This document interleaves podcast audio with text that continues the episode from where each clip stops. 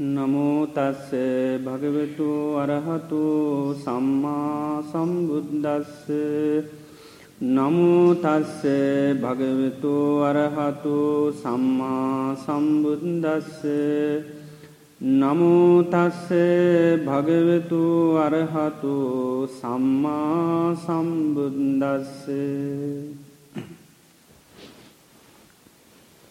සද්ධාවන්ත පිණිතුනි තුන්ලෝකාග්‍ර වූ සාන්තිනායක සම්මා සම්බුදුරජාණන් වහන්සේ දේශනා කරා අනමතක්ගෝ අයම් භික්කවේ සංසාරෝ පුබ්භාකෝටින පඤ්ඥායති අවිජ්ජා නීවරණානන් සත්හානං තන්නා සංයෝජනානං සඳහාවිතන් සංසරිතන් කියලා. මේ දීර්ඝ සංසාරය පිළිබඳව ඒ ස්වභාවේ දේශනා කරා. සංසාරයේ ස්වභාවය තමයි කෙරවරක් පටන්ගත්තේ තැනක් හොයාගන්න බැහැ කියල උන්වහන්සේ දේශනා කරන පුබ්බාකෝටින පඤ්ඥායති අවිද්‍යා නීවරණාන සත්තාන. අවිද්‍යාවෙන් වැැහුණු. තන්හා සංයෝජනානං තන්හාාවෙන් බැඳිච්චි මේ සසර සැරිසරණ මේ සත්වයන්ගේ පටන් ගැනීම. ඒ වගේම මුල සොයාගන්න බැහැ කියලා බුදුරජාණන් වහන්සේ දේශනා කරනු. මේ සංසාරයේ කොතෙක් දේගද කියන එක උන්වහන්ස උපමාවකට දේශනා කරනවා මහණනි යම්කිසි කෙනෙක් ඒ කාලේ මුළු ඉන්දියාවේම තියෙන කෝටු කෑලි ආදී දේවල් එකතු කරලා පොඩි පොඩි කෑලිවලට කඩනවා. කඩලා ඒ කෑලි එකක් එකක් ගාන තින මේ තමයි මගේ අම්මා.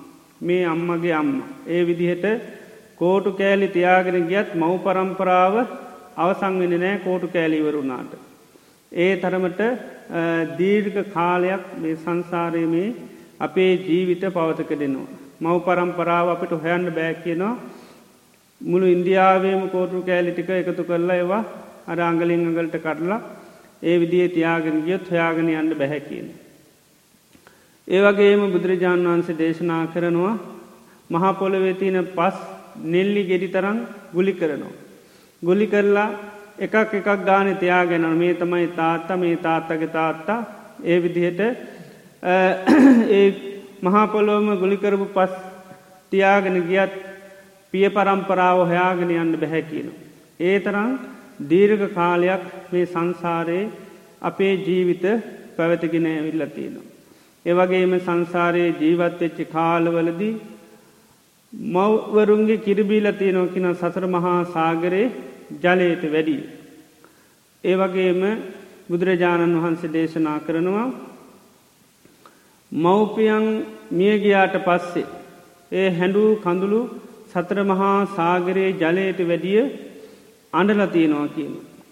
ඒ වගේම තමයි විවිධාකාර සත්‍යයන් වෙලා උපදිලා ඌරු වෙලා ඒ වගේම කුකුල්ලු ආදයේ සත්‍යයන් වෙලා ගවයන් වෙලා බෙලිකැපුම් ලැබූ අවස්ථාවලදී සතර මහා සාගරයේ ජලයට වැඩිය ලේ ගලාගෙන ගිහින් තියෙනවා කියන.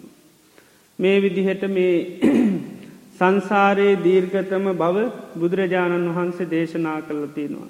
අපි පොඩ්ඩක් නුවනින් විමසලා බැලුවොත් තමයි එහි තියෙන බැරහැරුම්කම හොඳට සල කළ බලන්න පුළුවන්. දැන් එක ජීවිතයක සමහල්ලාට අම්බි කෝපයක් තරංවත් අඩන්නේ නැහැ. ඒ වගේම සත්තු වෙලා බෙල්ල කැපුව සමහට පනිට්ුවත් තරංවත් ලේ ගලන්න නැහැ.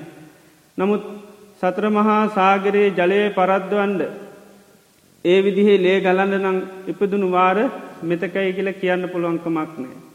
ඒ තරම්ම ඉපදිල තියෙනවා. ඒ නිසා ඒ විදිහට නුවනින් කල්පනාකරොත්තම ඒක තියෙන දරුණුකම භයානක්කම අපිට අවබෝධ කරගන්න පුළුවන්කම ලැබෙන. නිතරම බුදුරජාණන් වහන්සේ ධර්මය තියෙන්නේ දතානන් දම්මානං අත්වූප පරික්කති. ඉගෙන ගත්ත දරාගත්ත ධර්මි අර්ථ විමසන්ද කියනවා. අත්වූප පරික්කත්තිය සති දම්මානන් නිජ්්‍යානක් කමන්ති. අර්ථ විමසුවොත්තමයි ධර්මය වැටහෙන්නේ. ධම්ම නිජ්්‍යානක් අන්තිය සති චන්දෝ ජායති ධර්මය වැටහෙනකොට තමයි බලගතු චන්දයක් ඇතිවෙන්නේ. චන්දෝ ජාතු උත්සහති චන්දය ඇතු නාම තමයි උත්සාහවත් වෙන්නේ. ඉති මේ සංසාරයේ තියෙන දරුණුකම භයානකම අපිට අවබෝධ කරගන්නේ පිළිබඳු අපි නැවත නැවත සිහිපත් කර ගණ්ඩෝන. එතකොට තමයි කොච්චර කාලයක් කොච්චර වාර අපි ඉපදිල තියෙනවාද කියනක අපිට අවබෝධ කරගන්න පුළුවන්කම ලැබෙන. ඉති ඒ වගේ එක ජීවිතයක් දෙකක් නොවේ කල්ප ගනන් සංසාරය ඒ විදියට විවිධ ජීවිත කරා ගිහිල්ල දුක්විඳල තියෙනවා. උන්වහන්සේ දේශනා කරනවා මේ කල්පය කියන එක ඉතාමත්ම දීර්ඝ කාලයක් උපමාවකට උන්වහන්සේ දේශනා කරන උපමාකින් වත් කියන්න බෑ උපමාවක් පෙන්නනවා මේ යොදුනක් උස පලල පෙට්ටියකට මේ අබෑට දානවා. අවුරුදු සීයකට වතාවක් එක අබෑටේ ගානේ අයින් කරනවා යම් දවසක ඒ අභි පෙට්ටිය ඉවරුණත් කල්පය කියනක එහෙම අවසං වෙන්නේ කියන. ඒ තරන් දීර්ඝ කාලයක්. දවසගානේ මේ අපි කෝප්ප කරදාය අබ ටිකක් අයින් කරත් ඒත් කාලයක් යැනවා අවසං කරගන්න. දැන් අවුරුදු සීයකට එක්වතාවයි. ඒ වගේම පෙන්න්නන ගන පරුවතයක්. යොදුනු යොදාසයක් උස පලල මේ ගන පරුවතයක් රෙදිකෑල්ලකින් පිහිදාන අවුරුදුකු සීයකට වතාව. එතොට ඒ පරුවතය යම්දවස ගෙවිල ගියත් කල්පය කියන එක ඒ විදිහේ ගෙවෙන්නෑ කියන. ඒ තරම් මේ කල්පය කියනක ඉතාමත්ම දීර්ක කාලයක්. තේවා පිළිබඳව විමසීමක් කරනකොට තමයි ඒක තියෙන දීර්ග බව අපිට වැටහෙන්නේ. සාමාන්‍යෙන් කියනකොට සාමාන්‍ය දෙයක් වගේ. නමුත් අර්ථ විමසුවොත් එකින් එක අපි හිතල බැලුවොත් අන්න ඉතාමත්ම මේ දීර්ඝ කාලයක් තින් දවසක් බුදුරජාණන් වහන්සේ ළඟට ආපු බ්‍රාක්්මණය කහනවා අපි අතීතය ඕගේ කල්ප කොච්චර ගෙවල දාලතිීනවද කියලා. බුදුරජාණන් වහන්ස කියල මේ ඒවා මේ සංඛ්‍යාවසයෙන් ගණන් වසයෙන් ප්‍රමාණයක් කියන්න බෑ මේ කල්පසීයත් දෙසීයත් තුන්සියක් මේ ගෙවලතියනවා කියලා. තුන්වහන්සිකිව මේ උපමාවක් හැටියට කියනවනම් මේ ගඟක පටන්ගත්තෙද තැන ඉදලා. මහමුහෝද දක්වා තියෙන වැලි ප්‍රමාණය කියන්න පුළුවන්ද කිලෙහුව ගණන් වසේ. ගඟක් පටන්ගන්න තැන ඉදලා මුහද දක්වා තියෙනයේ ගගේ වැලි ප්‍රමාණය සංඛ්‍යාවසයෙන් කෙනෙකුට කියන්න පුළුවන්ද සංඛ්‍යාවසයෙන් කියන්න බැහැ මෙච්චර වැලි ප්‍රමාණයක් තියෙනවා. ආන්න ඒ වගේ කියනවා මේ ගෙවාගනාපු සංසාරය අපි ගෙව්වු කල්ප සංඛ්‍යාවසයෙන් කියන්න බෑ කියන මෙච්චර කල්ප ගානක් ගෙවුණ කියලා. ඒ තරම්ම දීර්ඝ කාලයක් අපි සංසාරය ඉපදී මැරි මැරි ඇවිල්ලතිනවා. ඉති ඒ කාල පරිච්චේදය තුළ උන්වහන්සේ දේශනා කරනවා. හරියට මේ උඩට දැම්ම ලීයක් වගේ කියන. සමහල්ලාට ලිය දැම්මම කෙලින් වැටන සමහ ටරාට ඒ වගේ තමයි මිනිස් ජීවිතයෙන් තිරසන් ජීවිත කලා ප්‍රේතලෝක අපාය කරා දිව්‍යලෝක කරා ඒ විදිේ විවිධ විදිහේ ජීවිත කරා තමයි යන්. ඉති ඒ නිසා බුදුරජාණන් වහන්සේ දේශනා කරනවා මේ යංකිසි අවස්ථාවක අපිට දකින්න ලැබෙනවානං ඉතාමත්ම දුගට අසරණ තත්ත්වයට පත්වුණු මනුස්සේ. ඒ දැක්කහාම කියන නිට්ට මේ තන් ගත්නම් පං ඒකාන්ත වසයෙන් හිතන්ඩි කියෙන මමත් මේ දීර්ඝ සංසාරය මේ පුද්ගලය ඇවිදිර දුක මමත් වින්දා කියලා ඒකාන්ත වසයෙන් යන්න කෙන සැක හිතන්ඩ පයි කියල. මේ දුක නම් විදල නෑ කියලා හිතන් නිපා කිනෝ මේ දුකත් ඉන්ද කියලා ඒකාන්ත වසයෙන් හිතන්න කියන. ඒවගේ බුදුරන් වහන්සකිනවා සැපක් විඳන පුද්ජලේ දැක්කත් ඒත් හිතනක මත් මේ විදිහ ජීවිත ගත කරපු කෙනෙ. මේ විදිහට අහවල් දුකවින්දේ නෑ කියල අපි කාටුවත් කියන්න බෑ. ඒ තරමට සංසාරය දුක් විඳල තියෙනවා. සමහර කාල්වලද අපි අපාය උපදිලා අනන්ත අප්‍රමාණ දුක් විඳිනවා. නිරසත්තු වෙලා ඉපදිලා තමන්කරපු අකුසල පාක වසයෙන් සමාට මුළු ශරීරයම ඇට දක්වා ගිනි අරගෙන පීඩා විඳමින් දුක් විඳිනවා. ඒ වගේම අපායේ තියනේ විවිධ දුක්ක පීඩාවන්ට මූුණ පාමින් අනන්ත අප්‍රමාණ දුක්කිඳිනවා. අපා ඉපදුනා බුදුරජන් වන්ස කැන ච පස්සා ආයතනික දුක්ක කියලා. ආයතන හයෙම්ම දුක්විඳින්ට තියෙන්නේ. එක ආයතනයක් පස් කින්වත් සහනයක් ලැබෙන්නේ. මේ ඉන්ද්‍රියන් ඔක්කෝගෙම්ම බලන්න අහන්ඩ දකිින් ඔකෝම තියෙන්නේ දුක විඳින දේවල්. ඒ විදිහට මේ සංසාරයේ බොහෝ කාලයක් අපායි දුක්විඳිලා තියෙනවා. ඒවගේම තමයි තිරිසං ආත්මලට පත්වෙලා අනන්ත අප්‍රමාණ දුක්විඳල තියෙනවා. තිරිසං සත් වනහාම බිය කියන එක උපරිම තියෙන ජීවිතය ඇත්තමයි තිරිසං ජීවිතය කොයි වෙලේ තමන්ගේ ජීවිතය තවත් කෙනෙකුගේ ගොදුරුකට ලක්වෙයිද කියන බය තිරිසං සත්තුන්ට තියෙනවා. ඊට පස්සේ නිතරම බලගතු සත්‍යයන් පන්නනුව නිතරම ඒ අය ග්‍රහණය කරගන්න ඒ සඳහා කොච්චර සමහරෙන් බේරෙන්ට දිව්වත් ගැලවෙන්ට විදිහක් නෑ සමහරලාට පණ පිටීම තමයි ශරීරය කෑලි කරල අනුභව කරන්න. ඉති ඒ වගේම පණපිටිම තමයි සමහරට ගිලින් දේවෙලා ඒ අවස්ථාවලදී අනන්ත අප්‍රමාණ දුක්විඳින්ට වෙනවා. ඒවගේම තමයි ජීවිතයේ විවිධ තත්ත්වයන්ට තිරසංගත සත්‍යයම් පත්වනහම් පිහිට වෙන්න පිළිසරණ වෙන්න කෑගහල කියන්න කතා කරලා කියන්න කවුරුත් නෑ. ඒ විදිහට දුක්විඳින්න සිද්ධ වෙනවා. ඒ වගේම ප්‍රේතවල ලෝකවල ඉපදිච්චිදා කාලවදී සාපිපාශ දුකින් තමයි නිතරම ජීවත්තයෙන්. සමහර වෙලාට සෙම්සොට්ටු තරන් දෙයක්වත් සමහරලාට ආහාරයට හොයා ගන්න හම්බියෙන්නේ. ඒ තරම්ම දුක්හිත ජීවිත ගත කරන්නවා. සමහරයගේ ශරීර ගිනිගන්න. මේ තමන්කරපු අකුසල් වලින් ශරීරයේ ගිනි අරගෙන තමයි මුළු අවස්ථාවම තියෙන්නේ. දවසක් බුදුරජාණන් වහන්සේ දේශනා කරනවා මේ අහසෙන් යනව පිරිසක්.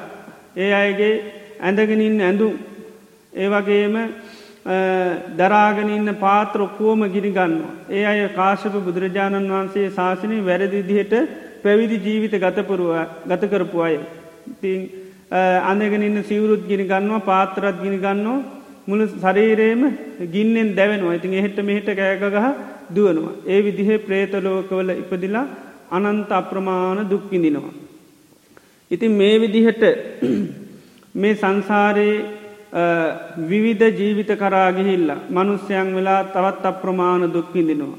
මේ විදිහේ දුක්විඳවිඳ යන ජීවිතයේ බුදුරජාණන් වහන්සේ පෙන්නන්නේ එහෙම ලේසියෙන් අවසංවීමක් නැහැ. උන්වහන්ස උපමාවකට පෙන්නවා මේ යන් දවසක මේ මහා මුහොද විනාශ වෙන දවසත් තියෙනවා. ඉතාමත්ම විශාල මහමුූද නැතිවෙන දවසත් තියෙනවා. කොච්චර ජලය තිබුණත් මහමූද වියලිලා සිදිල යන දවසත් තියෙනවා. ඒ මහමූද එච්චර විශාල මහමූද හිඳුනත් මේ සත්‍යයන්ගේ එහෙම ජීවිත කරවර වෙන එකක් පේඩ නෑ කියන ඒ වගේම මහාමේරු පරුවතය යම්කිසි දවසක ගිනි ගන්න. ගිනි අරගෙන මහාමේරු පරුවතයත් විනාශ වෙන දවසත්තියන. නමුත් මේ අවිද්‍යාවෙන් තන්නහාාවෙන් යුත්ත මේ සත්‍යයන්ගේ ජීවිත එහෙම කෙරවර වෙන්නෑ කියනවා. ඒ වගේම මේ ලෝකයේ ඒ තරම් විශාල වස්තු විනාස වනත් මේ සත්‍යයන්ගේ ජීවිත එහෙම විනාස වෙලා නැතිවෙල යන්න නෑ කියනවා. ඒකට උපමාවකට පෙන්න්නනවා මේ බල්ලෙක් කනුවක ගැටගහනු. කනුවක ගැටුහසට පස්සේ බල්ලට යනවනං යන්න තියෙන කනුව වටේට. ඒ වගේම තමයි ලගිනවානං කනුව ළඟ තමයි ලගින්න තියෙන්. ඒ වගේම නිදාගන්නවනං කනුවළඟ ඒට එහා යන්න පුළුවන්කමක් නෑකෙනවා. ඒ වගේ තමයි මේ සංසාරගත සත්‍යයන්ට මේ කොහේ ගියත් මේ පංචුපාදානස්කන්ධයක්ත් එක්ක එතන තමයි ලගින්න තියන්නේ. එතිරින් එහාට ගැලවෙල යන්න පුළුවන්කමක් නෑ. ඉති ඒ විදිහට සංසාරයේ විවිධ ජීවිත කරා ගිහිල්ල. විවිධාකාරයේ පීඩා විඳමින් අපි විවිධ අවස්ථාවලට පත්වෙනවා දැ මනුස්සයන් වෙලා දැන් අපි ඉපදිලෙන්න. දැ මේ මනුස්ස ජීවිතයට පැමිණියට පස්සේ ඒත් අර අපි සංසාරය විඳපු දුකතමයි ආයමත් විඳින්න පටන් ගන්න. කුඩා කාලේදල අපි ඉගෙන ගන්නවා ඒ හැම එකක්ම අපි සිහි කළ බැලුවොත් හැම එකකින් අපේ ජීවිතයට පීඩාවත්තියෙන්. ඒවගේ අපි ජරාවට පත්වෙනවා. ලෙඩ වෙනවා. සෝක පරිදේව දුක්දුම්න්නස් වලට ලක්වෙනවා. මේ හැම දෙයක්ම එකින් එක විග්‍රහා කරලා බැලුවතේ හැම තැනදීම අපිට පුදුම අප්‍රමාණ දුක්කිඳිනවා. ඒවගේ අපි ඉන්න සමාජයේ දිහා බැලුවහාම මිනිස්සු මේ ජරාවට පත්වෙලා අප්‍රමාණ දුක්කිඳිනවා. සමාරය තමන්ගේම මළමුත්‍ර ගොඩේ තැවරිල්ලා ඒවාවල සමාරලාට අවුරුදු ගණන් දුක්කිඳිනවා. ඒ වගේම විවිධ රෝගවලට පත්වෙලා අප්‍රමාණ දුක්කිදින සමාරයගේ ශරීරයේ කෑලි තමන් ඉන්නකොටම එකින් එක අයින් කරන්න වෙනවා. සමහරයග ශරීරයේ දිය වෙලා යනවා. සමහරයට විශාල පිළික ඇවිලා මුළු මූුණම සමහරලාට වෙහිල්ල යනවා. අපි ස්පිරිතාලෙකට ගිහිල්ල බැලුවොත් ඒ විදිේ අනන්ත අප්‍රමාණ දුක්විදින සත්‍යයන් අපිට දකිින්ට ලැබෙනවා. ඒ වගේ තමයි ඒ විදිේ කායික වගේ මානසික දුක් මානසික දුක් මනුස්්‍යයන්ට ඇතිනේවා අපිට පොත්තර ලියන්ඩ පුළුවන්කමක්න පොතක් මහපොලෝ තරම් පොතක් ගත්තොත් එහෙම ලියන්ඩත් විස්තරතින මානසික වින්ද දුක් ඕනම කෙනෙකි ජීවිතේ එපා වෙච්චි වාර අනන්තයි අප්‍රමාණ. අහවල් කෙනා හඬල නෑ කියලා කම්පාවෙලා නෑ කියලා සැලිල නෑ කියලා අපිට කියන්න බැහැ. අහවල් කෙනා විතරයි බොහොම සන්තෝෂෙන් හැමදා මිඳල තීරණි කියලා. කිසි හිතේ පීඩාවත් දුකක් ඇතිවල නැති අහවල් කෙනාට කියලා අපි කාටවත් කියන්න බෑ. ඒ තරමට හැම කෙනෙක්ම මානසික වසයෙන් පුදුමාකාර පීඩා දුක් විඳල තියෙනවා. ඒ මානසික පීඩා දරාගන්න බැරුව විශාල වසයෙන් මිනිස්සු දිවිනසා ගන්නවා. ඒ වගේම දවස ගාන ගත්තොත්තේම ලෝක පුරාම දිවිනසා ගන්නවා. ඒ මාංසික පීඩා මිනිසුන්ට දරාගන්න පුළුවන්කමක් නැහැ. ඒ තරමට මාන්සික වසයෙන් පුදුම පීඩා විඳිනවා. ඒ වගේම මේ අපේ ජීවිත ගත්තත් අපි ආපස්සට හැරල බැලුවොත් අපිත් මානසිකව අනන්ත අප්‍රමාණ දුක්කිඳල තියෙනු. අහව මේ මෙතන ඉන්න කිසි කෙනෙක් හඬපු නැති කෙනෙක් අපිට හොයාගන්න බැහැමෝම අපි කඳුරු හල්ලතින හැමෝගේම ජීවිත අපිට සමහල්ලාට අනන්ත එපා වෙච්චි වාරවල තියෙනු. ඉති මේ විදිහට මේ සංසාරයේ පුරහාම බුදුරජාණන් වහන්සේ දේශනා කරන්නේ අපි විවිධාකාර මේ ජරාව මරණ සෝක පරිදේව දුක්දුම්නස්සාදී අනන්ත දුකකට මූුණ පාමින් තමයි සංසාරය අපි සැරිසරාගෙනෙන්. ඉතින් මේ ජීවිතයේ දුකට පත්වනහම අපි විපාක දෙහකට මූුණ පත්වෙන. දුකේ තියෙන ස්වභාව තමයි. පළවෙනි එක තමයි සම්මෝහ වේපක්ක. අපි මුලාවට පත්වෙන. දැන් ඕනම වෙලාක දුකක්කාවහම අපි කිය නනේ මම් මොකක්ද කරන්නේ කියලා මට තේරෙන්නේ කියල තම අපි කවුරුත් කියන්න. ජීවිතයට ප්‍රශ්නයක් අහප මට මොකක්ද මේකට ගන්න විසඳම තේරෙන්න හැ කියලා කියන. ඉතින් දුකේ ස්වභාව තමයි සම්මෝහ වේපක් මුලා වෙනවා. පරියේටික වේපක්ක කියන්න ඊට පස්සේ දුකෙන් නිදහස්වෙන්න ක්‍රම හොයෙන. ඒක තමයි සාමාන්‍ය මේ දුකේ තියෙන ස්වභාවේ. මුලාවට පත්වෙනවා ඊට පස්සේ ඒකෙන් පිළිසරණක් හොයාගන්න. ඉතිං මේ දැම් මේ දුකගත්තහම ලෝකයේ බොහෝ දෙනා මේක දුක හටගන්න කොහොමද කියලා දන්න හේතුව තමයි දුකර මුලාවට පත්වෙන දුක හටගත්තා මේ නිසා ඒකට නිසි විසඳුමක් හොයාගන්න පුළුවන්කමක් නෑ. දැම් බුදුරජාණන් වහන්සේගේ වැඩ හිටිය කාලේ ඒ කාලේ හිටිය අයත් මේ දුක සම්බන්ධ විවීධ මත ප්‍රකාශ කර. සමහරය කිවේ මේ දුක කියන්නේ පුබ්බ කත හේතු. පෙර කර්ම නිසා තමයි මේ මිනිස්සු දුක්කිනින්න කියලා. දැන්නට නිගන්ටනාත පුත්ද එහෙම කියන මේ පෙර කර්ම නිසා. ඒ නිසා ඒ මොකද කරේ? පෙර කර්ම නිසා දුක්කිදිනනම් පෙරකර්ම තවන් ඕනි. ඒකට තමයි තපස්කං කරන්න. අලුත්තෙන් කර්ම නොකර පෙරකර්ම තවන්ඩ ඒ කට්ටිය කටයුතු කර. ඒ නිසා තමයි කර්ම නොයන විදිහයට ජීවත්තෙන් ඒකට හිතුව මේ බල්ල වගේ ජීවත් වනහම වැඩි අකුසල් කරනවා පේන්නේ හරක් වගේ ජීවත් වනහම මේ අකුසල් කරනවා පේනනෑ ඒ නිසා තමයි අහල ඇති ග්‍රෝබුත්ත අජවුත කියලා ඒ තිරිසන් සත්තු වගේ ජීවත්වෙනවා. ඒමක දර අලුතෙන් කර්ම නොවී පෙරකර්ම ටික තවලදාන තපස්කං කරපුහම පෙරකර්ම තැවනවා අලුතෙන් කර්ම කරන්න. ඊළඟට කයට විවිධාකාර පීඩා දුන්න. කයට දුද්දුන්නහම කයට පීඩා ඇති කරපු හම අන්න මේ දුක හටගන්නෑ කියලා. ඒ විදිහට එයා හිතුව මේ පෙර කර්ම නිසා තමයි මිනිස්සු දුක්කිනින්න කිය. ඊළඟට තවකොට සක්කිව්වා ඉස්සර නිම්මාන හේතු මේ ලෝකයේ මැවුම් කාරයක්කින්නවා. ඒ ඒ මැවුන්කාරයට ඕනි දියට තමයි මේ ලෝකෙ මවලතියෙන්. එනිසා මේ සත්වය දුක්මිනින්නේ මැවුන්කාරයකුගේ කැමැත් ඇනුව. එනිසා ඒ මැවුන්කාරය සතුරු කරන්න ඉතින් එයාට විවිධාකාර බිලි පූජා කරන්න ඕනි. යාඥා කරන්න ඕනි තෝට එයා සතුට වෙලා අන්න මිනිසුන්ගේ දුක් නැති කරනවා කියලා. ඒ විදිහ මතයක් ඒ කාලෙ තිබුණ. තවත් සමහරයකිව්වා අහේතු අපපච්චයා. හේතුවක් නෑ සාමාන්‍යයෙන් සිද්ධ වෙන දෙයක් මේ දුක්විඳින කියන එක කිවේ නිසායකින් ගැලවෙන්න විදිහක් නෑ මේ සාමාන්‍යින් තියෙන දෙයක් හැටියට. ඒවගේම තව සමහරයගේ මත තිබුණ බුදුරන් වහන්සේගෙන් ඇවිල්ලත් අහලතිනවා සයන් කතන් දුක්කන් දුක තමන් කරපු එකක්ද කියලා. තමාද මේ දුක කරගත්ත කියලා. ඇත්තටම අපි කරගත්ත දෙයන්නම් අපිට ඕනු වෙලාව අයින් කරගන්න පුළුව. අපි කරගත්ත දුකන්නම් දැම්මට දුක්පින් දැත්ත කියලා අපිට අයින් කරලා දාන්න පුළුව. එහෙම කරන්න පුළුවන්කමක් නෑ අපි කරපු තමා කරා කියන එකක් නැහැ. ඊළඟට පරංකතන් අනුන් කරපු දෙයක් ලෝක නිර්මාපක දෙවිය කරපු දෙයක්ද. එහෙම නොත් එයාට බාර දෙන්න පුළුවන් හොයාගෙන ගිහිල්ල එහෙම කරන්න පුළුවන්කමකුත් නැහැ. ඊළඟට මේ ඇහවා මේ අහේතු අපපච්චය හේතු අප්‍රත්තියක් නැතුවද ඉබේ හටගන්න කක්ද කිලෙව. බුදුරජාන් වහන්සේ තවටකුව එහෙමත් නෑ ඉබේ හටගත්තෙකුත් නෙවේ මේක. ඒ විදිහට මේ දුක සම්බන්ධව ගත්තහම ඒ කාල විවිධාකාර මතිමතාන්තර ලෝක තිබ්බ. අද කාලෙ වනත් මිනිස්සු දුක් හටගත්තහම විවිධාකාර පිළිසරණවල් සොයාන යනවා. විවිධාකාර දේවල් හොයාගෙන යනෝ දුකින් නිදහස් වෙන්න. නමුත් ඒක ලේසියෙන් අපි හිතන තරමට මිනිස්සුන්ට ඒ දුක නැති කරගන්න පුළුවන්කමක් නෑ. සමහරලාට ගහ දෝස නිසා මිනිස්සු හිතනවා දුක්කිදි නොක ලිතින් ග්‍රහ පූජා කරනවා ගහ ඇන් සතුටු කරන්න. ඒක නිදහස් වෙන්ඩ ඒත් පුළුවන්කමක් නෑ. දැන් සමහරල්ලාට යම් යම් පස්නවලට පොඩිපොඩි විසිඳුන් තියෙනවා. නමුත් සම්පූර්ණ පස්සනට විසිඳුම ලේසියෙන් ලෝක සත්‍යයාට හොයාගන්න පුළුවන්කමක් නෑ. බුදුරජාණන් වහන්සේ තමයි මේ දුක කියන පස්නේ හේතු උන්වහන්සේ තමයි අවබෝධ කරගත්තේ. උන්වහන්සේ අවබෝධ කරගන්න අපිට දේශනා කරා දුකක් හටගන්නකොට ඇයි මේ දුක හටගන්නේ කොහොමද මේ දුක හටගන්න කියනක අවබෝධ කරගන්න.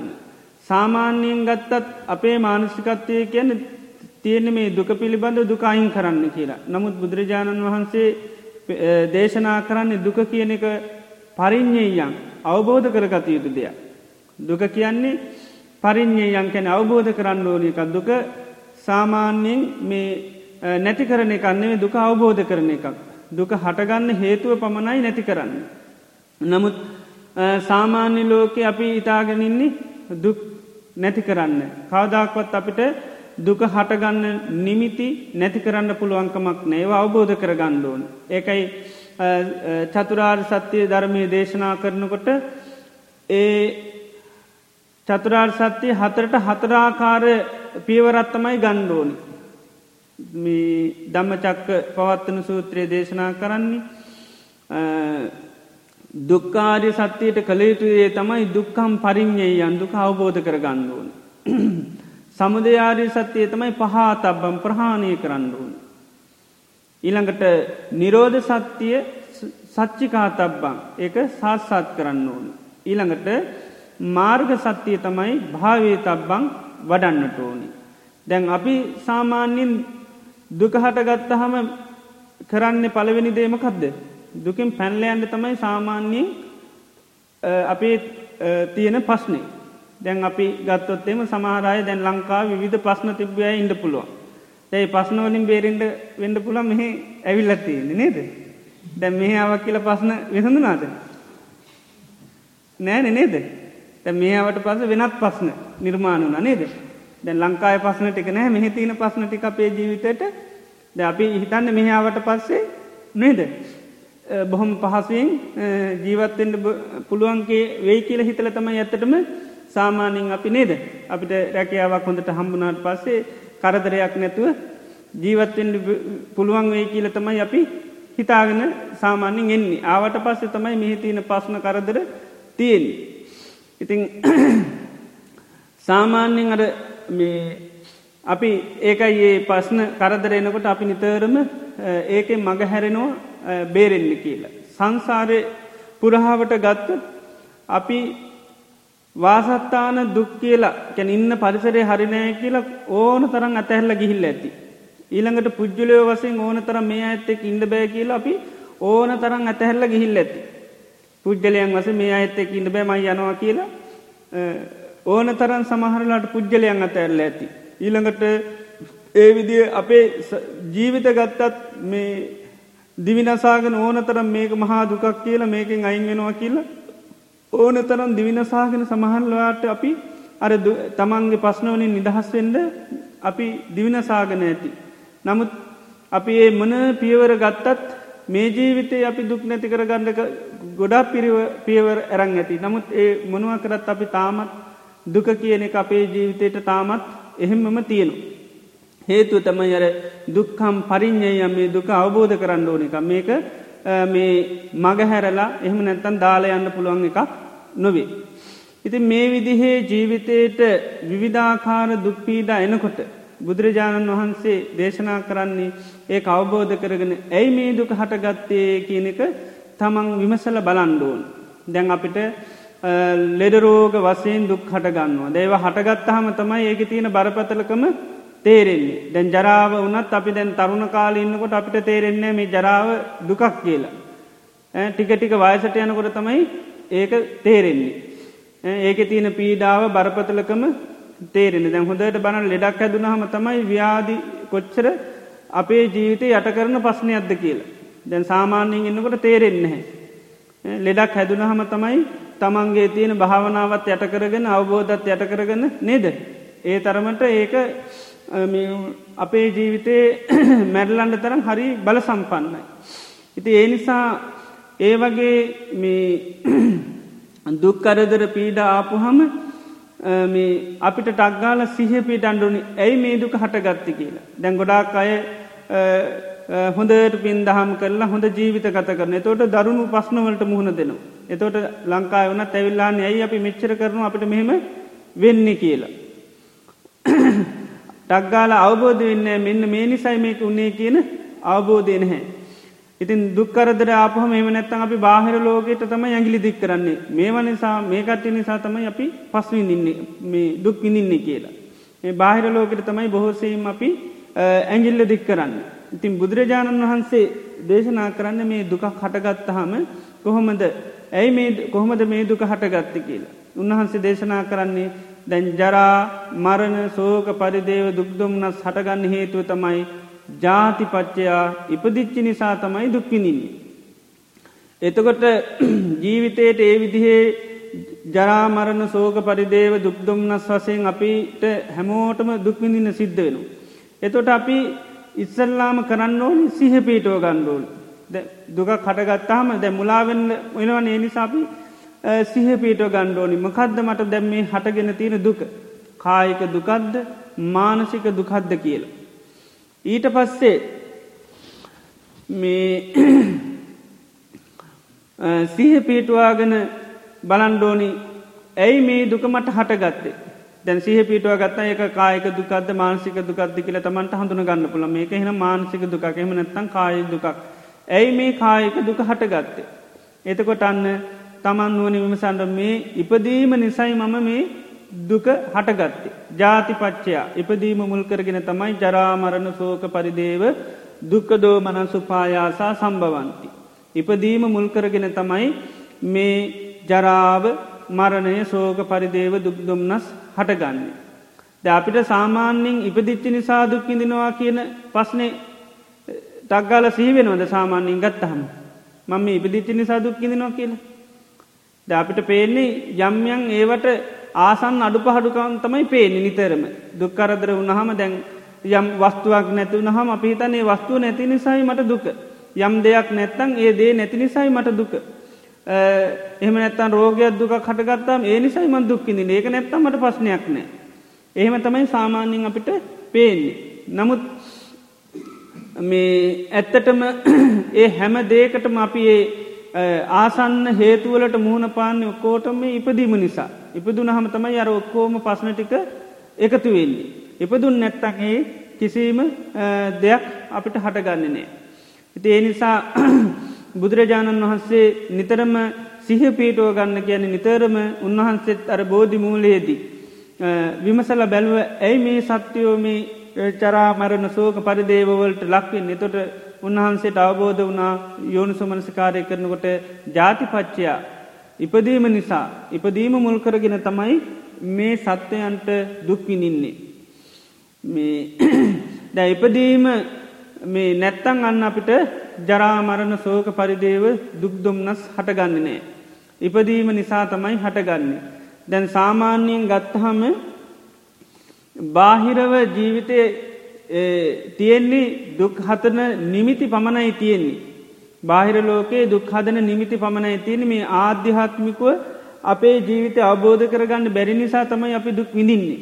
අපි කියමු දැන් මේ කෙනෙක් නිතරම දකිනවනම් මේ ඉපදිච්චි නිසා දුක් විඳින්න කියලා. එතෝට දැන් ඉපදුනේ මොනවද අපිට ද ඉපදීම තෝරනෝ බුදුරජාණන් වහන්සේ. ඉපදීම කියල කියන්නමකදද. කන්දානන් පාතුභාවෝ ආයතනානම් පටිලාබෝ. එතොට අපි දුක්විනින්නේ මොකක් පහළ වෙච්චි නිසාද.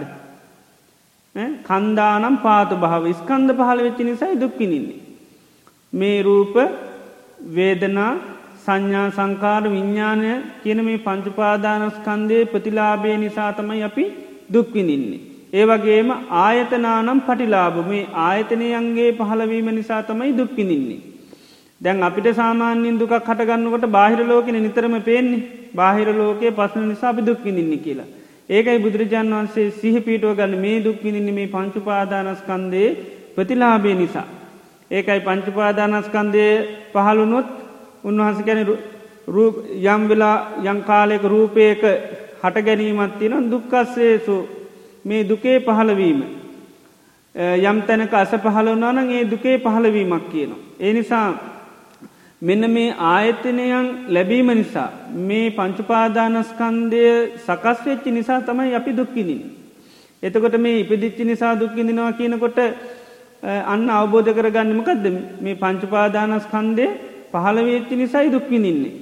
එතකොට බාහිර ලෝකට ඇගිලි දික්කරනවාද. බාහිර ලෝකට ඇගිරි දික්කන්න ඇද එතොට මේ පංචුපාදානස්කන්දුවක්ගේ ප්‍රතිලාබි නිසා දුක්කිනින්නකි අවබෝධටෙනු. එතොට යම් දවසක අවබෝධ කරගත්තොත් මේ පංචුපාදානස් කන්දය නිසා දුක්විනින්නේ කියලා අන්න එතොට බාහිර ලෝකයේ දුක්ක නිමිති තිබ්බට දුකක් වෙන්නේ නෑ. ද අපි මේ පංචපාදානස්කන්දය දුකක් කිය අවබෝධ කරගත්තොත් අපි රහත්වෙනවන නේද. රහත් වනාට පස්සේ එදකොට අපිට සාමාන්‍ය ලෝක තියෙන තොර දුක්ති නොද. ඒ දුක්ක නිමිති තියෙන අපිට දුකක් හටගන්නේ නැහැ. දැන් අපි ගේම හෙට හෙට අපිට හත්වෙනවා දැ හෙට රහත් වනාම දැන් මේ වෙනකන්තියන දුට්ටික හෙට නැතිවේද. දුක්ක නිමිති ටික ඔක්කෝම තියෙනවා. හැබැයි යන්න අපි ජීවිතේ අවබෝධ කරගත්ත නිසා පංචුපාදානස්කන්දේ දුක කියලා අවබෝධ කරගත්ත නිසා අන්න මේ බාහිර ලෝක තියන දුක්වලින් අපිට දුක හදල දෙන්නේ එනහැ දුක්ක නිමිති ටික තියෙන නමුත් අපිට දුක නැහැ කෙනෙක් අපිට දැම් වෛර කාරයෝ දහයක් හිටියනම් ඒ දහය හෙටත් ඉන්නවා. ඒයි නැතිවෙන්නේ නැහැ. දැන් ජීවිතය යන්න අවබෝධ නොකරගත්ත නිසා තමයි අපිට දුකතියෙන් අන්න අවබෝධ කරගත්තාට පස්සේ අන්න බාහිර ලෝකයේ අපිට ඒ දුක්ක නිමිති මුල් කරගෙන දුක හට ගන්නේ නෑ. ඒ නිසයි බුදුරජාණන් වහන්සේම ඉපදීම නිසා දුක්කිඳනවා කියනෙක නිතරම සිහිහ පිහිටුවාගෙන බලන්න කියන්නේ. එතකොට තමයි අන්න බාහිර ලෝකට ඇගිල්ල දික්කිරීම අපි සිද්ධ කරන්නේ. මේ පංචුපාදානස්කන්දේ ප්‍රතිලාබේ නිසා තමයි දුක්කිින් ආයතනයන් ලැබීම නිසා තමයි දුක්කිනින්නේ එහනම් මේ පංචුපාදානස්කන්ද යම්තා පවතිනොනං ඒතාක් අපිට අන්න දුක්කිනිට සිද්ධෙනවා මේ පංචුපාදානස්කන්දයට ඇඩලා ඉන්නවන යම්තාකල් ඒතාකල් අපි දුක්විනින්න සිද ආයතනයන්ට යම්තා කැල්ල ඉන්නවනම් ඒතාක් දුක්විනින්න සිද්ධෙනවා.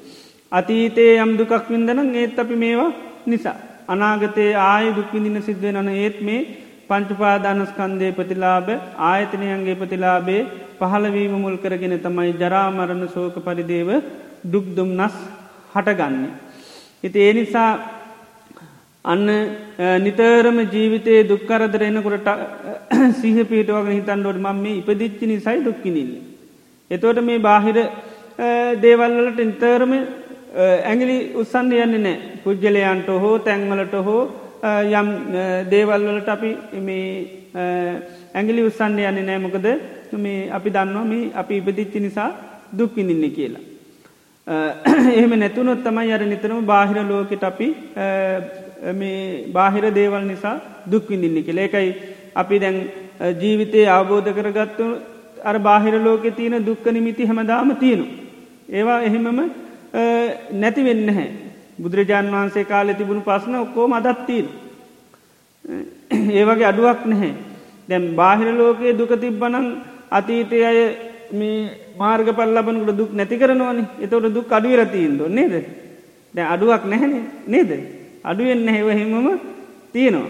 ඒකයි ඒ ඒකයි මේ දුක්ක කියන එක අවබෝධ කරගන්න කියන්නේ. එක ඒක ප්‍රහාණය කරන්න පුළුවන්කමක් නැහැ. ඒ නිසා හටගන්න හේතු තමයි හොයාගෙන යන්න කැන. ඒ නිසා මේ ජරාමරණ සෝක පරිදේවයට ආසන්නම හේතුව තමයි මේ උපත. උපත කියන එක එකයි. මේ ස්කන්දයන්ගේ ආයතනයන්ගේ පහළවීම තමයි මුල් කරගෙන තමයි මේ අපි සෝක පරිදේව දුක්දුම්න්නස් හටගන්නේ. අන්නේ අවබෝධ කරගත්තනම් අවබෝධ කරනකොට මේ පංචුපාදාන ස්කන්දය පිළිබඳ දැන් අපි තියෙන්නේ දුකක් හැටියට නෙවෙන් මේ නිසා දුක්කිදිනවා කියලා අපි හිතන්න හැන නේද.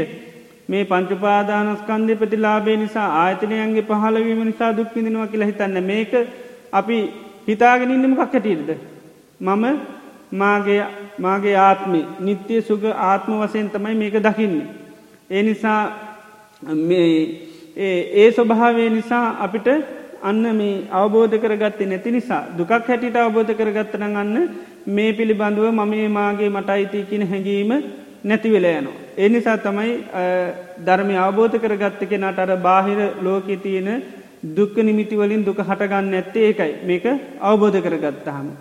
අපි අවබෝධ කරගත්තේ නැති නිසා තමයි බාහිර ලෝකෙ දුක හටගන්නට අපේ හිතන්ගේ දුක නිර්මාණය කරගන්නවා මේ පංචුපාදානස්කන්දේ ආයතන මුල් කරගෙන.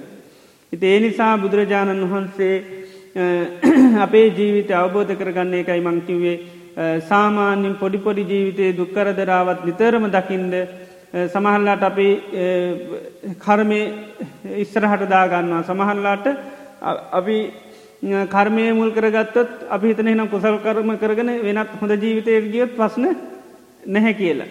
ඒ නිසා දැම් බුදුරජාන් වන්සේ ආසන්නම දුකට හේතුව කර්මය හැටිරනුවේ පෙන්න්නන්නේ මේ පංචුපාදානස්කන්දේ ආයතනයන්ගේ මුල් කරගෙන තමයි දුක්කින්නේ නිසා අපි එතෙන්න්න තමයි එන්නෝ නිතරම. දුකක් එනකොට මම ඉපදිච්චි නිසයි දුක්කින්න කියලා. එතවට තමයි මේ උපතින් එහෙනම් මන් නිදහස්වෙන් ඕනි උපතින් නිදහස්සුනොත් තමයි දුකෙන් නිදහස්වෙන්ට පුළුවන්ගෙන නැත්තන් ලෝක කොහේ ගියත් මොන ජීවිතය කරාගියත් නිදහස්වෙන්ට බෑ. අර බලු පැටියට වගේ කියල කියන්නේ දැම් බල බැඳලා ඉන්න තාක්කල් නිදහස්වෙන්ට බෑ. යනවනං යන්න තියෙන්නේ අර කනුව වටට ඒ වගේ කිනොමේ සංසාරය යනවනම් පංචුපාදානස්කන්දය කරා තමයි යන්න තියෙන්. ඒ වටේ තමයි කැරකෙන්න තින එහා යන්න පුළුවන්කමක් නෑ. එනිසා දුකක් පීඩාවක් ජීවිතයට එනකොට සිහ පීටුව ගන්න පිහිටුව ගන්න මේක කායික දුකද්ද මානසික දුකද්ද ඊට පස්සේ තේරුණා මේක කායික දුකක් එහම නැත්තම් මානසික දුකක්. ඊට පස්සේ ඇයි මට මේ දුක හටගත්ත? ඊට පස්සේ දකින්න මේ ඉපදීම නිසා ඉපදීම මුල් කරගෙනයි මම ඉපදිරි මොකක්ද මේ ඉපදීම කියන්නේ? මේ ස්කන්දයන්ගේ පහලවීම එහෙම නැත්තං ආයතනයන්ගේ පහලවීම නිසයි මම මේ දුක්කිනින්නේ කියලා.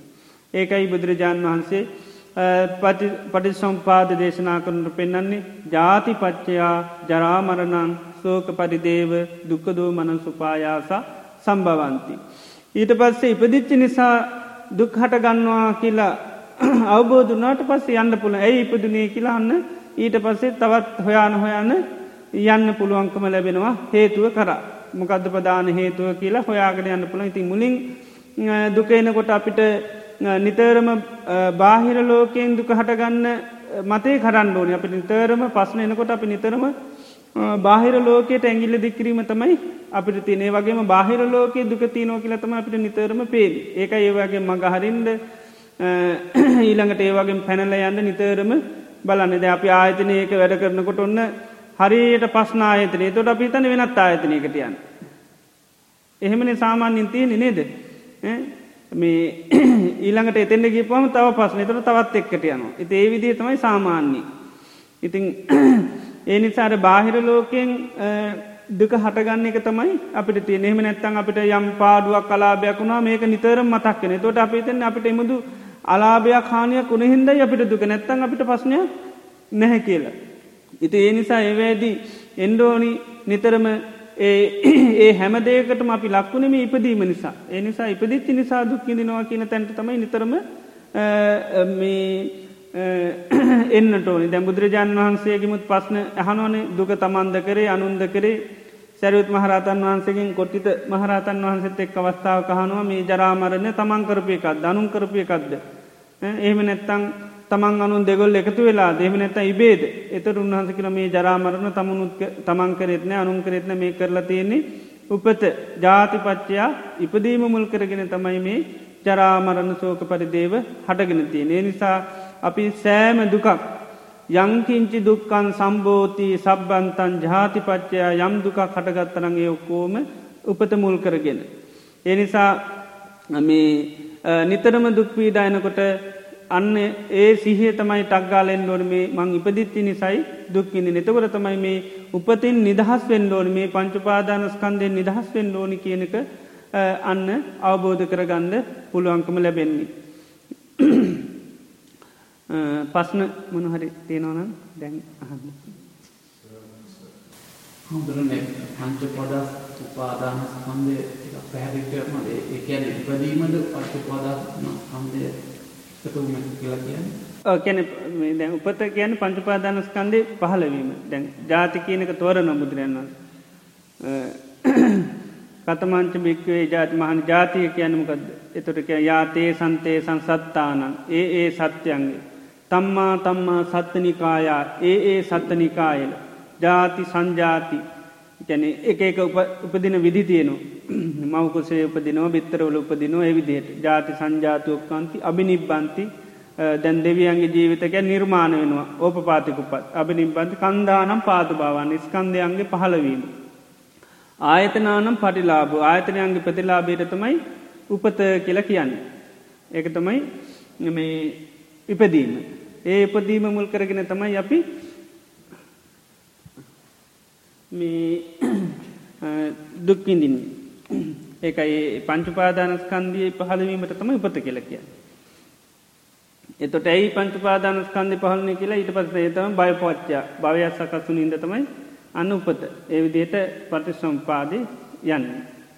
තැර මුලින් අපි සාමාන්‍යෙන් තේරුම් ගත යුතු දෙයක් තමයි දුක්කිදිනකොට තක්ගලම උපදින නිසා දුක්කිදිනවා කියන තොට තමයි මේක නිදහස් වෙන්න ලෝනික මානස්කත්වයක් අපිට එන්නේ. නැත්තන් අපි බලන්නේ වෙන පස්සනයක් වුණොත් ඒක ඒකෙන් නිදහස් වෙන්නන එතොට හරි කියල හිතෙන් අපිකිම දැන් ලංකාහම ගත්තින ගහ පස්සන නිසා තමයි දුක්කින්දි එතොට පුළුවන්තරම් ගහයන්ට පූජතිල බේරෙන් හතන දුකි. නේද? නමුත් ඒවා පොඩි සමහරලාට විසිඳුම් විතර. නමුත් සම්පූර්ණ මේ අවබෝධ කරගන්න පුළුවන්කම නැහැ.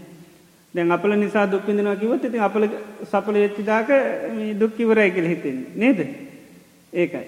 ඒ නිසා නිතරම ඒ ඔක්කෝටම ගහ චක්‍රවලට බලපෑම් වලට ඔක්කෝටම මූුණ පා නිපදුුණු.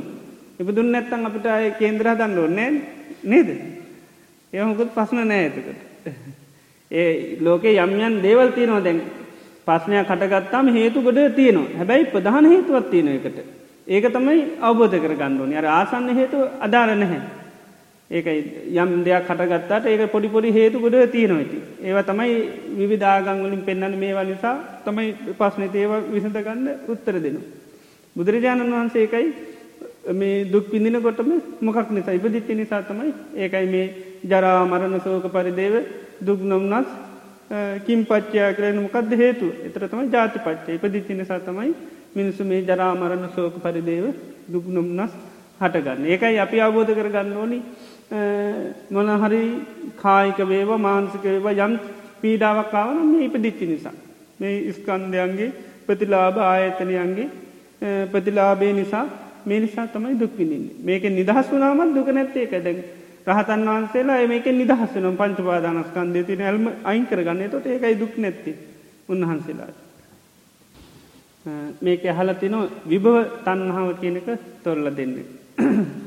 මේ විභවතන්නා කියන්නේ උච්චේද දුෘෂ්ටියට.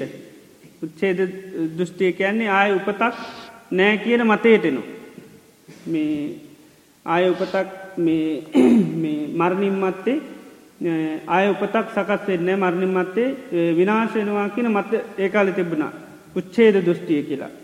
ශාස්ත්‍රත දෘෂ්ටිය කියලා කියන්නේ ස්තීරෝම ජීවිත ආයා තියෙනවා. උච්චේද දෘෂ්ටිය කියන්නේ මරණින් මත්තේ උපතක් නෑ. එතෝට ඒ පිළිබඳව කෙනෙකුගේ ඒ මතේ ටැලුම් කරනවා. උපතක් නෑ කියන අය උපතක් නෑ කියන මතයට ඇලුම් කරනවා. ඒක මුල්ක කරගෙන තම විභහ තන්නාව කියන පැවැත්මන් නෑ කියන ආසා ආයුපදින් නෑ කියන ඒ මතයට යාලුම් කරන ඊට පසේ ඒක මුල් කරගෙන එයා කටයුතු කරනවා ඒකට තමයි බුදුරජාණන් වන්ස විභහ තන්නාව කියනක තෝරලතියෙන්.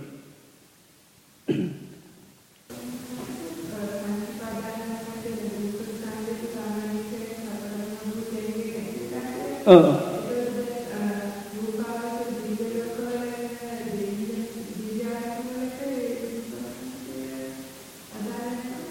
කැන ඒක ඒ කාල පරිච්චේ දෙකට අර රූපය ආදීන දැකල එක යටපත් කරන තින් නමුත් සම්පූර්ණ නිදහස් වෙල නෙවේති. ඒක මුල් කරගෙන දුක්පිනින් නැහැ.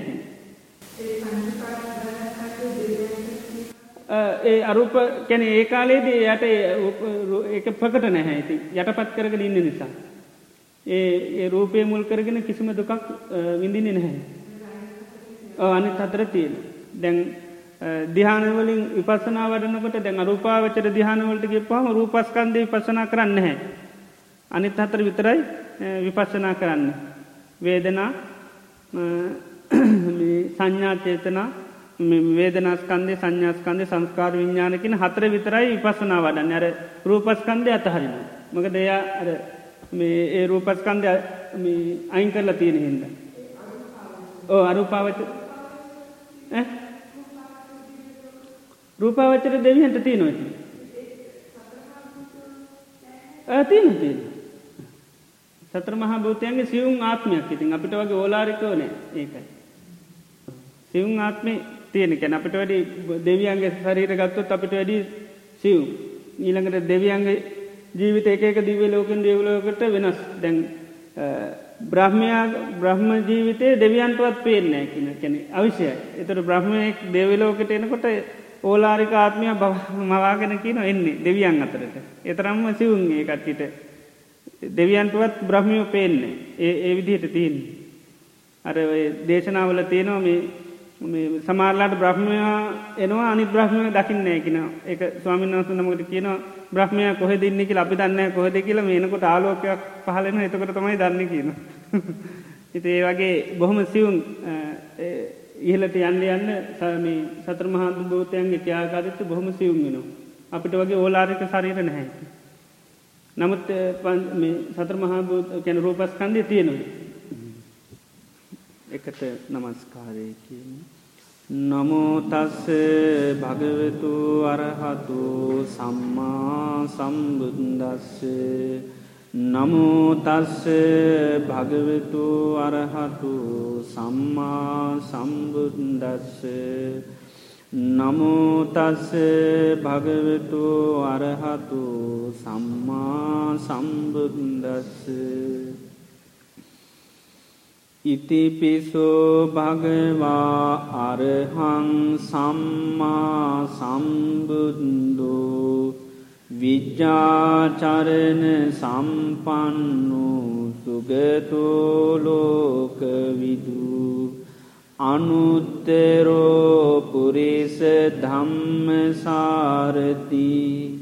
සත්හා දේව මනුසානං බුද්ධෝ භගවාති ස්වාකාතු භගවතා දම්මෝ සන්දිින්ටිකෝ අකාලිකෝ ඒහි පන්සිකෝ ඕපනයිකු අජත්තං වේදිතම්බු විඤ්ඥුහිති සුපටිපන්නෝ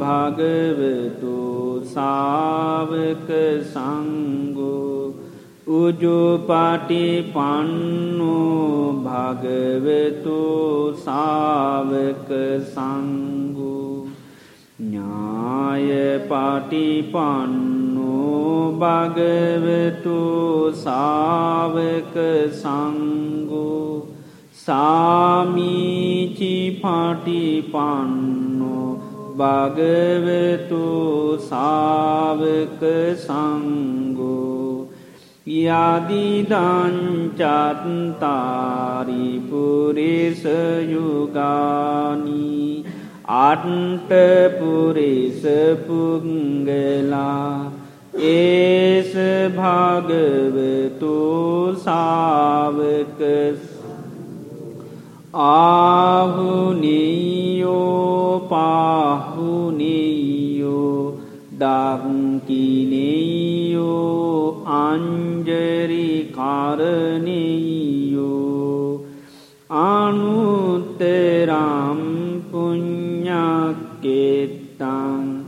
ලෝකන්සාති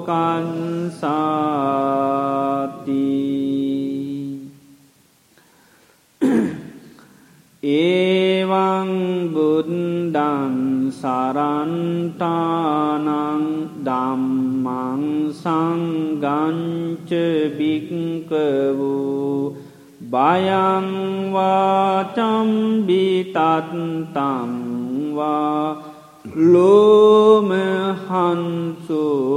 නහෙසටීතිී ඒතේන සච්ච වජ්ජීන පාතුතංරතනත්තයන් යානීදභූතානි සමාගතානී බුම්මානිවා නිවහන්තාලික්කේ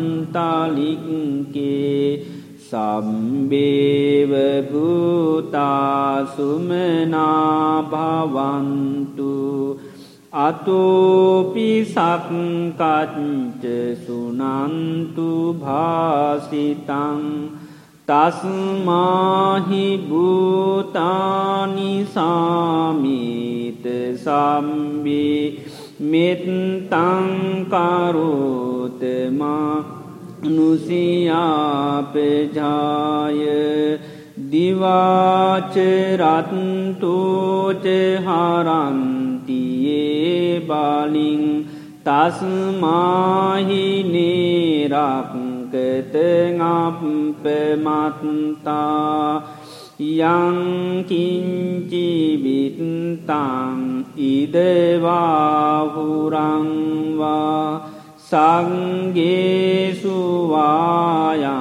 රතනම් පනීතං නනෝසමං අත්ති තතාගතින ඉදම්පිබුද්දේරතනම් පනීතං ඒතේන සච්චේන සුවත්තිපු කයං විරාගං අමතම් පනීතං යදංජගාසක්්‍ය මුනී සමාහිතු නතේන දම්මේන සමත්තිකිංචී ඉදම්පිදම්මේ රතනම් පානීතං ඒතේන සච්චේන සුවත්ති යම්බුද්ද සෙට්ටෝ පරිවන්න යේසුචින් සමාධිමානන්තරිකං්ඥමාහු සමාධිනාතේන සමෝනවිංජති ඉදම්පිදම්මේ රතනම් පානීතං ඒතේන සච්චේන සුවත්ති ये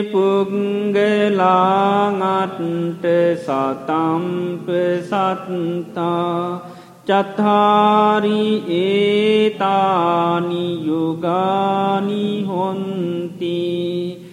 ते दङ्किनेया सुगतंसका एतेषु सुनि महां पलानि ඉදම්පි සංගේරතනම් පානීතං ඒතේන සච්චේන සුවත්ති ඒසුප්පයුත්තාමනසාදල්හෙන නිකාමිනුගෝතම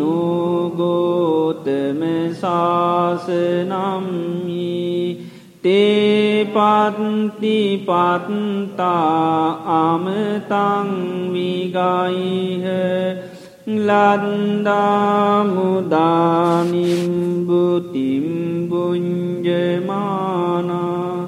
ලද්දාමුදානිම්බුතිම්බුංජමානා ඉදම්පි සංගේරතනම්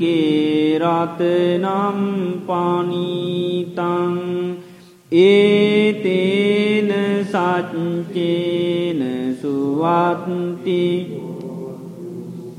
යතින්ද කීලෝ පටවිං සිතෝසියා චතුම්බිවාතේබිය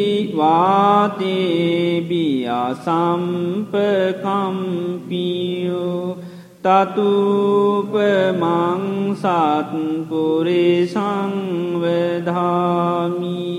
යෝ ආරිය සච්චානි ආවෙච්ච පන්සති ඉදම්පි සංගේ රතනම් පනීතං ඒතේන සච්චේන සුවත්ති. ඒ අරිය සච්චානි විභාවයන්ති. ගම්බීර පඤ්ඤේන සුදේශිතානි. කිංචාපිතේ හොන්ති බුසම්පමත්තා නතේ බවංආට්ට මං ආදියන්ති ඉදම්පි සංගේ රතනම්පනීතං ඒතේන සංචේන සුවත්ති හෝතු. සහවන්ස දන්සන සම්පදාය තයන්සු දම්මා ජහිතාභවන්ති සක්කාය දිට්ටි විචිකිච්චිතංච සීලම්බතංවාපියදන්තිකිංචි චතුවපායෙහිච විප්පමුත්තු චචාබිතානානි අබම්බෝකාතුන් ඉදම්පි සංගේරතනම් පනීතං ඒතේන සච්චේන සුවත්ති. කිංචාපි සෝකම්මං කරෝති පාපකං කායේන වාචා උදචේතසාවා. අබම්බුසෝතන්ස පටිච්චාදාය ආබම්බතාදිට්ට පදන්ස බුත්තා ඉදම්පි සංගේරතනම් පනීතං ඒතේන සච්චේන සුවත්ති වනම්පගුම්බේ යතාපුන්සිතංගි ගිම්හානමාසේ පටමස්මින්ගිම්මි තතුපමංදම්ම වරංꯑදේසයි නිබ්භානගාමින් පරමංහිතාය. ඉදම්පි සංගුත්තා බුද්දේ රතනම් පනීතං. ඒතේන සච්චේන සුවත්ති හෝතු. වරෝ වරං්ඥෝ වරදු වරාහරු අනුතරෝ දම්ම වරංආදේසයි ඉදම්පි බුන්දේරාතනම් පනීතං ඒතේන සච්චේන සුවත්ති කීනම්පුරානං නවංනත්ති සම්භවං විරාච්ච චිත්තා ආයතිකේ භවස්මින් තේකීන බීජා ආවිරුල් නිච්චන්දා නිබන්ති දීරායතායම් පදීපෝ ඉදම්පි සංගේරතනම්පනීතං